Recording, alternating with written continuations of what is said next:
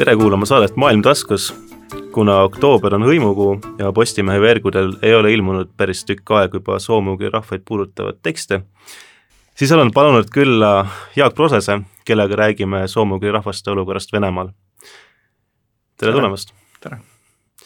no viimati, kui me nägime, siis oli vist äkki aprill, ma mäletan, et oli hõimurahvaste maailmakongressi ettevalmistamine kuskil pressibriifil nägime. Ja seal oli juttu sellest, et võib-olla tuleb Tartusse Eesti Rahva Muuseumisse ka Venemaa president Vladimir Putin, selle ümber oli väga palju niisugust äh, huvi loomulikult, no nüüd selgus, et äh, Venemaad tabas päris rängalt koroonaviirus, mis ei ole seni ära läinud, ja kui me räägime tavaliselt Venemaast ja koroona olukorrast seal, siis me räägime Moskvast, Peterburist, suurematest keskustest aga ma tahakski sinu käest küsida algatuseks, et äh, kuidas on olukord sealsete põlisrahvaste seas? nojah, et äh, Venemaal tõesti äh, siis koroonaviirus ikkagi möllab päris, päris tugevalt, et et tänase päeva seisuga on umbes kakskümmend viis tuhat inimest selle viiruse tõttu surnud ja ja, ja neid haigestunuid on ikka mil-, miljonites et äh, see, need on suure, väga suured, äh, suured arvud ja muidugi ka need põlisrahvaste territooriumid sellest viirusest puutumata ei jää. et tegelikult Venemaal peaaegu kõik föderatsiooni, ütleme siis soome-ugri niisugused äh, subjektid kannatavad viiruse käes rohkem kui, kui Eesti et äh, see tähendab seda, et äh, keskeltläbi on seal äh, viirusesse nakatunuid umbes seitse-kaheksa tuhat inimest, ütleme Marimaal või Murdmaal näiteks ja aga noh, Eestis, eks ole, see näitaja on siin kolme, üle noh, kolme ja poole tuhande kandis. ja, ja eriti kõrge on nakatumine siis Andi Mansi ja Mali Nenetsi piirkonnas. ja siin on nagu mitmeid, mitmeid, mitmeid põhjuseid et, äh, et eelkõige need on mõlemad niisugused alad, kuhu tullakse tööle hooajaliselt ja lõputult käiakse äh, siis edasi-tagasi, et inimesed käivad ka Moskvast sealt tööle, aga ka Lõuna-Venemaalt, näiteks Krasnodari ja sellised Dagestani piirkonnad, et kus äh, viirus küllaltki palju möllab, et ja selle, selle tõttu näiteks Andi Mansimaa oli veel nädal aega tagasi lausa kolmandal kohal äh, nakatunute üldarvu poolest, et see, et tegelikult inimesi seal ju niivõrd palju ei ela, aga, aga noh, auväärne kolmas koht, et, et see on ikka hirmus, hirmus näitaja. aga siis jah, et nakatunute hulk on eelkõige siis nendes linnades et näiteks noh, Suur Kutt ja niisugused, kus äh, ongi noh, niisugused noh, sisuliselt on tegemist magalatega, mis, mida on hakatud siis ehitama kuuekümnendatel äh, aastatel, inimesed elavad tihedalt äh, koos ja, ja, ja seetõttu siis äh, see nakatunute hulk on väga ja väga suur. et need põlisrahvad tegelikult on pääsenud mõnevõrra kergemalt, kuna nad elavad tundrates ja sisuliselt siis noh, võib ütelda, et tundrites niivõrd palju seda, seda ei ole, et mida näitab näiteks ka Neenetsi autonoomne ringkond, et Neenetsit, kes on seal näiteks täielik tundrarahvas, et seal surnuid on null ja, ja kogu selle aja jooksul on paarsada ainult äh, nakatunut. nii et ja, ja tegemist on siis kõige äh, kõige edukama, ütleme siis sellise äh, Vene Föderatsiooni subjektiga, kellel on õnnestunud seda viirust siis niimoodi tõrjuda. et ühes kohas on veel null, on näiteks Sahalini saar, aga, aga nakatunuid on Eestist kaks korda, kaks korda rohkem. nüüd, äh, mis puudutab neid suuremaid Soome-Ugri vabariike, siis äh, viirus mõnel pool arenes ikka väga kiiresti ja näiteks Komimaal äh, viis ka ta riigipea tagasiastumiseni, et Sergei Kaplikov oli niivõrd ehmunud äh, Esma haiglas siis äh, puhkenud selle epideemia tõttu, kus oli siis paarsada inimest lausa, lausa päevas ja, ja astus tagasi ja, ja tema asemele määrati siis Eesti juurtega riigipea Vladimir Uiba, kes ka nüüd võitis, eks, valimised, et et ja kes on ise tegelikult viroloog, et ja ongi nagu pühendunud siis selle just nende viiruste ehm, no võit-, võitlemisele siis viiruste vastu, et nii et aga, aga kui jällegi vaadata, siis et jälle Komimaad tervikuna, et viroloog viroloogiks, aga väga hästi ta sellega ikkagi toime ei tule, et, et on ikkagi küllaltki, küllaltki palju levinud ja ja, ja mõnevõrra siis ehk, ehk paremas olukorras on Karjala Karjala oma suhteliselt hõreda asustusega, inimeste arv on ka seal kuskil kuuesaja tuhande kandis, noh arvestades Karjala territooriumit, siis on see üsna üsna väike, väike arv ja, ja noh, ütleme, et Karjalas on siis noh, küll on ka mõnevõrra rohkem nakatunud tegelikult kui Eestis, aga aga siis niisuguseid su-, surmajuhtumeid suhteliselt vähe nagu Karjalas, tegelikult ka Marimaal, Mordvamaal on vähem, vähem kui Eestis nii et äh, noh, kuidas nüüd ütelda, et äh, siis äh, kui vaadata nüüd soome-ugri rahvaid ja koroonaviirused, kas ta nüüd on seal hullem kui noh, ütleme teiste rahvaste seas, siis seda seda päris niimoodi väita ei saa, et pigem võib ütelda seda, et soome-ugri rahvad tänu oma hajaasustusele ja nii edasi võib-olla on pääsenud mõnevõrra isegi kergemalt. aga kuidas need haldusüksused ise seda asja kontrollivad, et kas erinevatel ütleme, vabariikidel on siis ka erinevad meetmed, kui palju on neil üldse nagu võimalust ise määrata, kes tuleb sisse, kes läheb välja, millised on piirangud? no keskus ehk Moskva siis väga palju seda ei määra, et need on küllaltki äh, erinevad vabariigiti ja ja ja ka kohaldatakse erinevaid meetmeid, väga niisugused karmid meetmed on näiteks Tšetšeenias ja, ja, ja, ja Kadõrov näitab, kuidas ta hoolib äh, tšetšeenide eest ja, ja tõesti Tšetšeeni, Tšetšeenia on tulnud väga, väga hästi toime tegelikult äh, viirusega, et üks, üks edukamaid, ütleme, Vene Föderatsiooni siis äh, subjekte, et aga, aga üldiselt jah, et ikkagi maskide kandmise kohustus ja, ja noh, ühistranspordis mm, ka, ka siis kauplustes ja, ja nii edasi, et noh, need on seal on äh, varieerumised, need varieerumised ei ole kusjuures väga, väga suured, et Venemaa küll jagab neid äh, tsoone seal äh, enda, enda sees tumeroheline ja heleroheline ja kollane, et siis vast-, vastavalt sellele, kus, kus siis kõige, kõige hullem või kõige parem on, et aga need, ja need piirangud on jah, küllaltki, küllaltki sarnased, aga aga tervikuna on näha tegelikult, et vaatamata sellele noh, päris suurtele näitajatele, mida ei olnud isegi kevadel, praegu näiteks oligi kuusteist tuhat äh, nakatunut äh, ööpäevas, et äh, Venemaa nagu ei ole nagu näha seda sulgumist, ilmselt ka majanduslikult nad ei elaks seda võib-olla üle et, et pigem ta hoiab nagu lahti, et ei ole ka niisuguseid karmi meetodeid, nagu seal Karjalas näiteks kevadel, et et külanaine läheb, eks noh, viib, viib oma karja, karjamaale ja siis tuleb tagasi ja ja juba politsei peatab ja juba ta trahvib, et et noh, niisuguseid, niisuguseid lugusid tegelikult äh, oli ka mujalt, et noh, et praegu on see sügisel äh, nagu seda ei ole. et ma arvan, et Venemaa on sügavas mures oma niisuguse äh, majandusliku olukorra suhtes. Ja, ja, ja no põhjust muretsemiseks on, et iseenesest sisemine inflatsioon on seal tõesti ainult paari protsendi juures. Aga kui vaadata, mida teeb, eks Vene rubla võrreldes euroga, siis, siis on toimunud ju sel-, selgelt niisugune rubla, rubla devalveerumine, ehk siis Venemaa trükib seda raha ikkagi päris usinalt juurde, et praeguseks on seis on üks üheksakümne kahele, aga kui koroona see viiruse kõik nagu algas, oli see seitsekümmend viis, nii et, et see on seitsmeteist rubla võrra siis on siis, on siis rubla devalveerunud, et mis näi-, mis näitab neid, neid niisuguseid majanduslikke aspekte, aga noh, teisest küljest muidugi Venemaa armastab ka trummi lüüa, et ja, ja seda koroonaviiruse vastase vaktsiini leiutamist nii-öelda siis igati niimoodi mm, ära kasutada ja, ja, ja kui, vaadata nende neid kodulehekülgi, siis nad säravad nendest pealkirjadest, kuidas üks partii läheb Argentiinasse, siis muidugi lemmikriiki Venezuelasse ja ja noh, niimoodi ta siis, nii nad siis toimetavad, et et selline abistamine nagu on et vene rahva suur missioon alati abistada, aga siis abistamise käigus nad ei unusta kunagi iseennast ära, et et see nagu on üsna ju niisugune, niisugune valdav, jah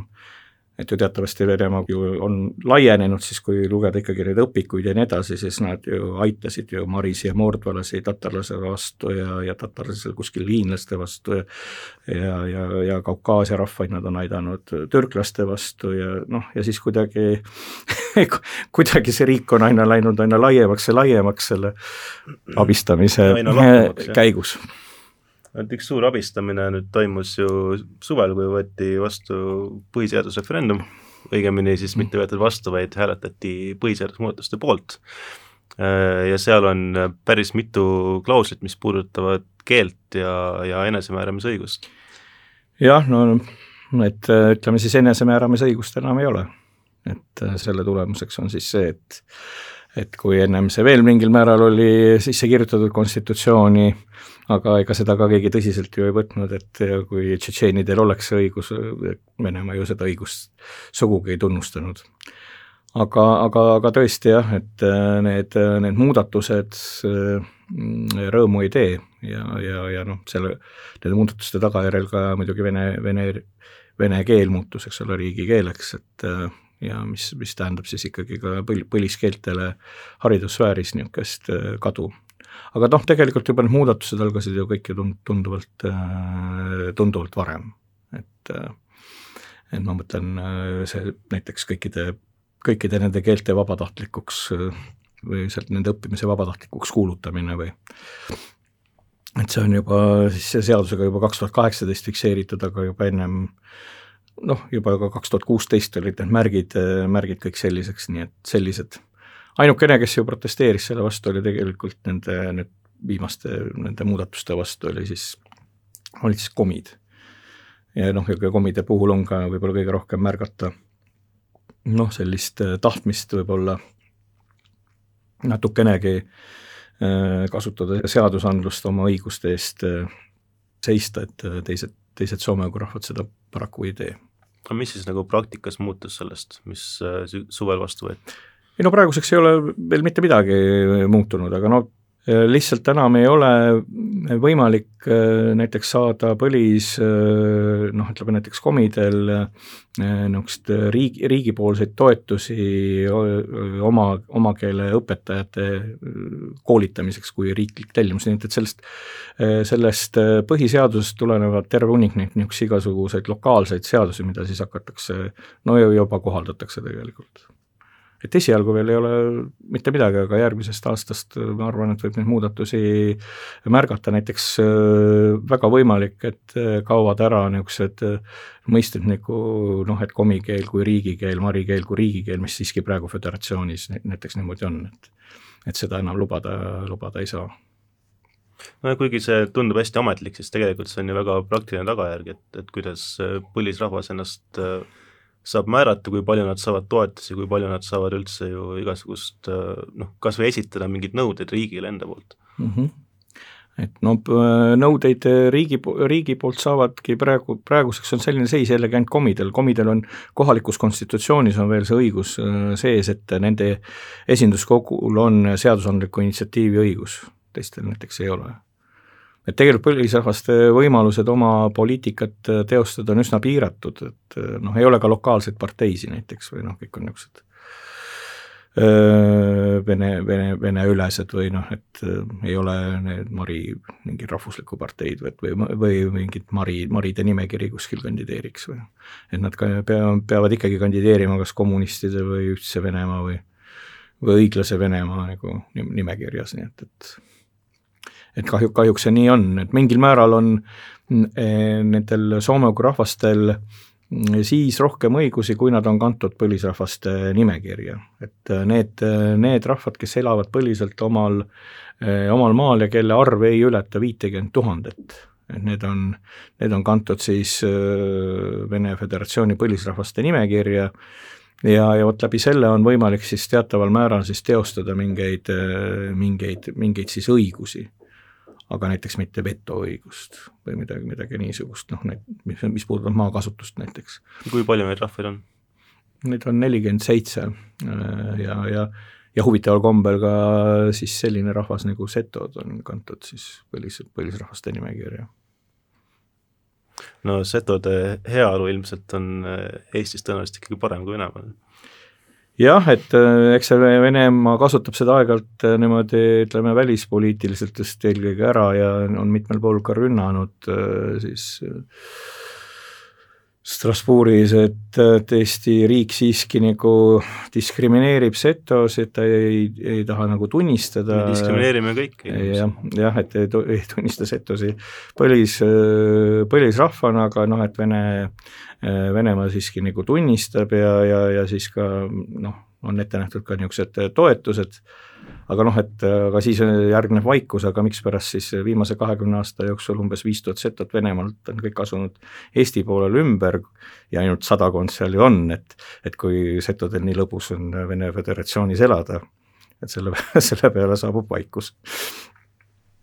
No, suvel oli veel üks äh, selline põrutav uudis sellest, kuidas Norilsk nikkel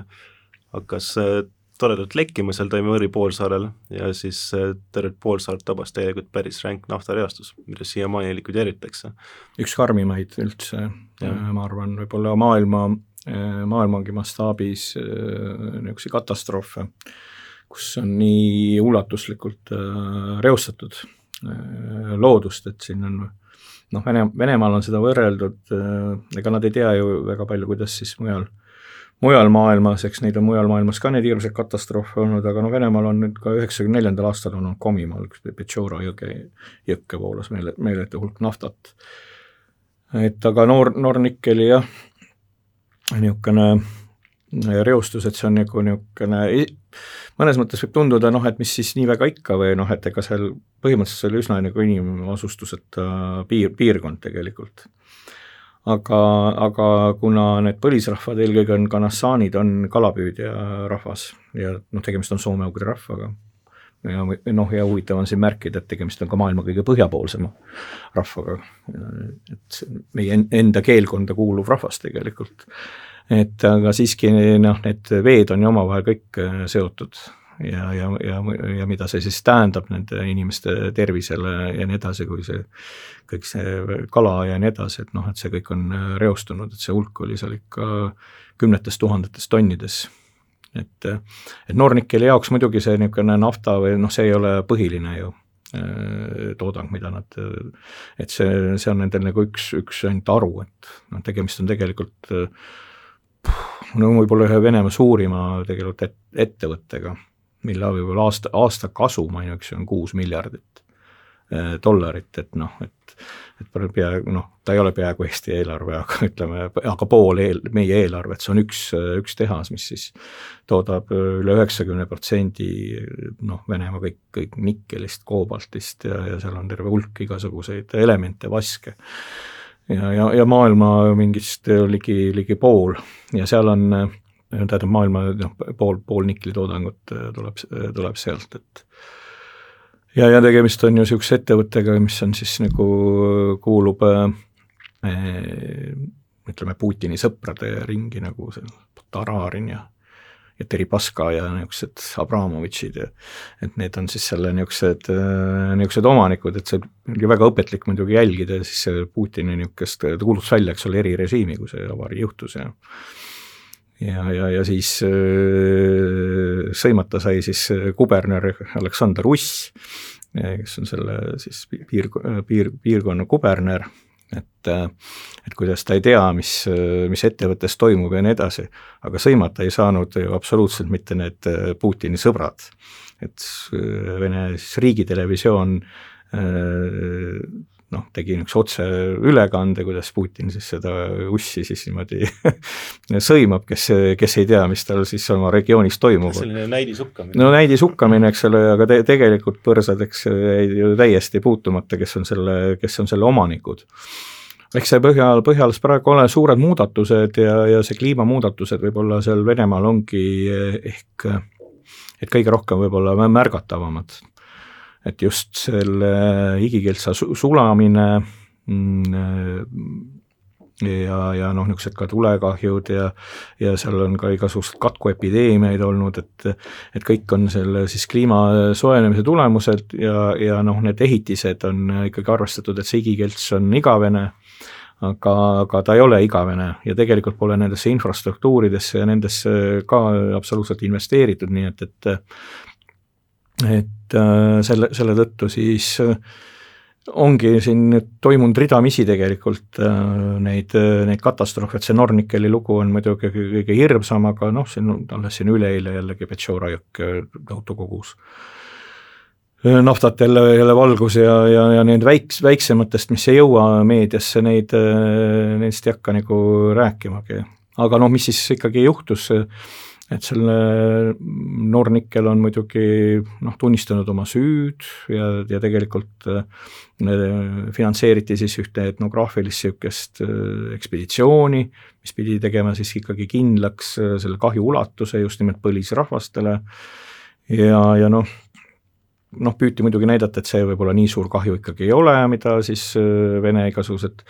Äh, noh, looduse järelevalve inspektsioonid ja nii edasi, mis nemad on kokku arvutanud, aga, aga siis et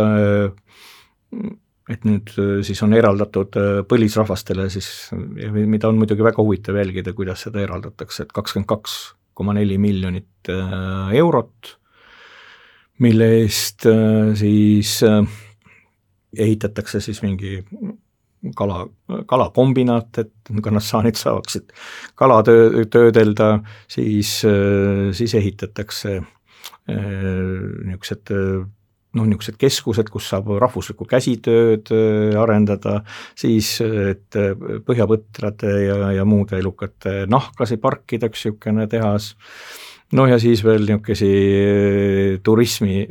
nagu arendavaid ettevõtteid, nii et sinna see, see raha siis läheb, aga, aga kas see raha läheb nüüd läbi, ütleme, põlisrahvaste organisatsiooni kaudu, milleks on, Venemaal on olemas tegelikult Venemaa Põlisrahvaste Assotsiatsioon, või, või see hakkab jälle kuidagi läbi erinevate administratiivsete organisatsioonide minema, no seda siis äh, näitab tulevik. Et muideks väga huvitav on äh, see, et äh, kui üheksakümne neljandal aastal Komimaal see katastroof, siis ju tegelikult Euroopa Liit eraldas, minu, kui ma ei eksi, oli see miljon Äh, miljon dollarit komidele, kes saaksid seda äh, et komide rahvuslik organisatsioon, kes siis võiks äh, vastavalt komi huvidele siis seda raha niimoodi kasutada ja, ja siis selle loo-, noh, selle katastroofi mõju siis vähendada, aga, aga see, see raha ei jõudnud mitte kunagi komi rahvusorganisatsiooni arvele. et ja seda Venemaa alati niimoodi väid-, väldib seda kogu, kogu hingest, et jumala pärast mingid summad ei tule põlisrahvaste mingi organisatsiooni arvele, et et muidu nad hakkavad ise määrama, et kes on siin arst ja kes on jurist ja ja, ja kellelt nad võtavad mingeid allhankeid, et see siis sellele võimule absoluutselt ei, ei meeldi aga jah, see raha, kakskümmend kaks koma neli siis miljonit dollarit on eraldatud, tundub esmapilgul küllaltki suur ju raha, aga noh, kuna ma ütlesin alguses, et aga aastatulu on kuus miljardit dollarit, siis me saame kõik suurepäraselt aru, et kui me võrdleme kahtekümmet kaht koma nelja miljonit kuue miljardiga, siis et millega siis tegemist tegelikult on. No ja, lisaks sellele, et mida teeb tundrarahvas Nagassanid Äh, mingisuguste parkimistehaste ja kalakombinaatidega. jah, et need siis peavad hakkama jälle kuidagi koonduma ja nii edasi, et äh, noh, et tegemist on ju küllaltki ju niisuguse rahvakilluga, kes äh, on väga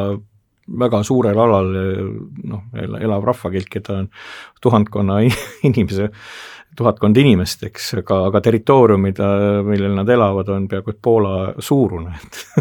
nojah, see on nagu selline ametlik, et noh, et me investeerime nüüd sinna piirkonda, aga tegelikult ju keegi ei küsi, et kas see rahvas päriselt, kes seal elab, nagu sellest ka mingit kasu saab. samas jällegi väga, jällegi väga huvitav või noh, et, näiteks Venemaa ütleme siis Põlisrahvaste Assotsiatsiooni äh, esimees äh, Sergei Letnov on noh, ütelnud, et et see on väga niisugune eeskujulik käitumine, et tegelikult äh, võiksid ka ju teised äh, Äh, teised siis sellest äh, eeskuju võtta, et et noh, ilmselt siis viidates siis kas siis USA või, või Kanada või, või igasuguste muude niisugustele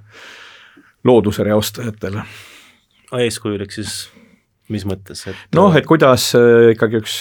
siis kompanii niimoodi põlis, põlisrahvaid niimoodi toetab siis ja, ja, ja, ja tunnistab seda kahju. Et, et tema meelest Nornickel on käitunud väga, äh, väga õigesti ja väga tublilt.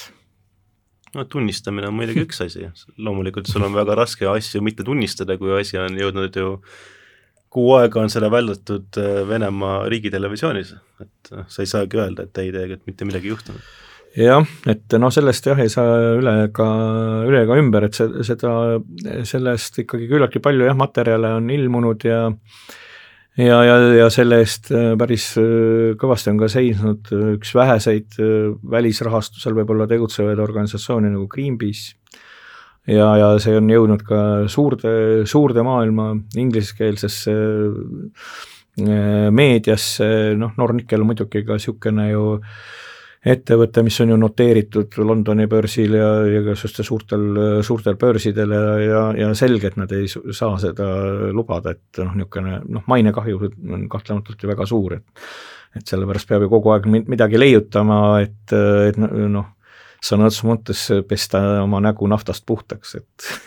sellega siis see Nornickel praegu tegelebki, aga noh, aga, aga ikkagi kuidagi vägagi äh, naeruväärsete summadega, jah. Põlisrahvaste esindajad on nüüd teinud sotsiaalmeedias sellise kampaania, millega pöördutakse Elon Musk'i poole et äh, Elon Musk ei ostaks Nornickelilt toormaterjali, no muidugi see on küsitav, et, et äh, mis, mis tehinguvõimalused seal üldse on tegelikult, aga aga see on pigem see, et, et tõmmata tähelepanu siis äh, sellele reostusele ja sellele probleemile, et kuidas Venemaa mm, -hmm. Venemaa organisatsioonid käsitlevad siis keskkonnaküsimusi mm. -hmm jah, et noh, iseenesest see on väga jah, niisugune huvitav kampaania, ma mõtlen ka, et kui, et kui palju nüüd see suud-, suudab seda Musk'i siis niimoodi äh, mõjutada, aga, aga tähelepanu see äratab küll ja, ja tegelikult kui nende põlisrahvaste esindajate käest niimoodi küsida, noh, omal ajal ma küsisin seda nagu rohkem, et aga et kuidas me saame nagu teid rohkem toetada, et see, noh, näiteks seal Siberis on ala lõpmata olnud need naftareostused ja nii edasi, siis ja mille läbi siis eh, noh, kõik see põhjapõdra kasvatus kasvatab, kuna pole karjamaid, eh, nende looduslikud pühapaigad, kus nad viivad ohvreid, eks ole, igale poole need naftatornid tulevad ja pühad järved muutuvad eh, naftalompideks ja ja, ja no ja, ja noh, see on tegelikult üsna hirmus, mis seal Siberis ju toimub ja siis noh, muidugi need neftjännikud nii-öelda ja, ja gaasitöötlejad ja, ja nii edasi ütlevad, aga noh, aga te ei pea ju tundras elada, näete, internaadid, me ehitame teile kahe, kolmekorrulised majad, saate endale kahe, kolme, kolmetoalised korterid, kus on keskküte ja kolige linnadesse ja, ja ja te saate kõik sellest õnnest osa, mida nafta ja gaas äh, toob. aga mida siis ütlesid äh, põlis, põlisrahvad, et et teate, Eestis on ka see Lukoil et ärge jumala pärast ostke Lukoili käest mitte midagi. et see on nagu kõige parem. ja, ja mina võtsin seda ka väga niimoodi tõsiselt ja siis, kui ma nii nagu noh, tihtipeale vedasin siin loodusomnibussi või niimoodi niisuguseid ekskursioone mööda Eestit, et nii nagu buss hakkas Lukoili juures peatuma, siis võtsin alati mikrofoni, et Lukoil ja et, et Lukoilist ei osta ühtegi liitrit, et, et see, et põlisrahvad on ise palunud, et ärge jumala pärast ostke nende, nende tooteid, et see on kõige, kõige parem. ja mul oli tõesti väga hea meel, et Eestist Lukoil lahkus. Et mulle tundus, et äkki lahkuski sellepärast, et, et, et Lukoili tooteid siin väga ei armastatud, kuna eestlased mõtlesid antide ja manside peale, noh, ma võin ju niimoodi mõelda. See on minu soovmõtlemine vaevalt, et tegelikkus on ilmselt midagi muud, aga aga nii ta on, et aga noh, ega igal juhul tuleb nagu tunnustada, et nad seda, seda kampaaniat nüüd praegu niimoodi, niimoodi teevad ja, ja sellega nad äratavad tähelepanu, et tegelikult Greenpeace kui ka noh, kõik teevad ikka väga tänuväärset tööd äh, seal Venemaa põhjaosas, et see tundra on noh, see on niivõrd tundlik, et seal sõna otseses mõttes iga jalajälg jääb ka viiekümneks aastast püsima, et et seal iga väike kahjustus noh, Äh, kuna see loodus äh, on niivõrd õrn seal, et see jääb seal noh, äh, see jääb kõik sajanditeks, et see on nagu ikka aeg-ajalt jälle mingit dokumentaalfilmi vaatab, see on täiesti masend-, masendav tegelikult, mis seal toimunud on.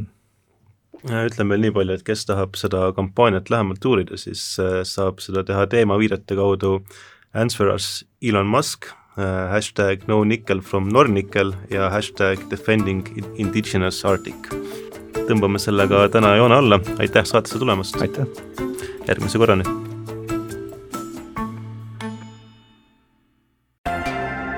Kogu saade on kuulatav Postimehe digipaketi tellijatele veebilehel podcast.postimees.ee